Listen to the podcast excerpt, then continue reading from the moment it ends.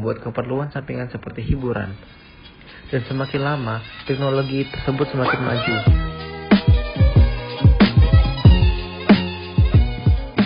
Bismillahirrahmanirrahim. Assalamualaikum warahmatullahi wabarakatuh.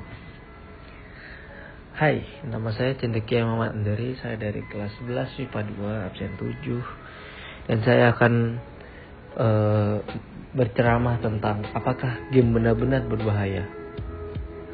Uh, hadirin yang saya hormati, puji syukur Allah, Allah puji syukur alhamdulillah Allah SWT Subhanahu wa taala masih memberikan kita semua nikmat dan diberi waktu untuk menjadi lebih baik. Dan semoga kalian diberi kenikmatan, hidayah, dan keberkahan yang melimpah. Amin.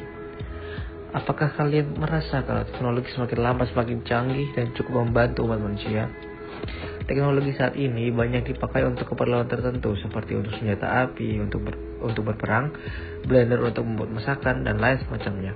Tetapi umat manusia membuat teknologi tidak hanya untuk keperluan penting, namun manusia juga membuat keperluan sampingan seperti hiburan.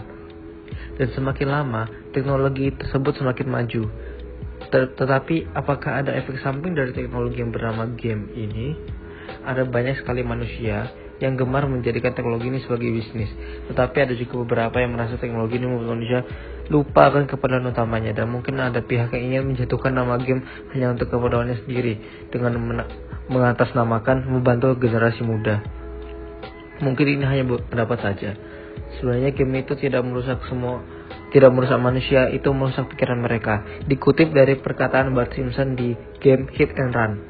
Jadi seharusnya manusia itu bisa mengontrol bagaimana harusnya ia ber, ia uh, ia meng, memil, memilahnya. Sekian dari saya, maaf apabila ada salah kata. Terima kasih. Assalamualaikum warahmatullahi wabarakatuh.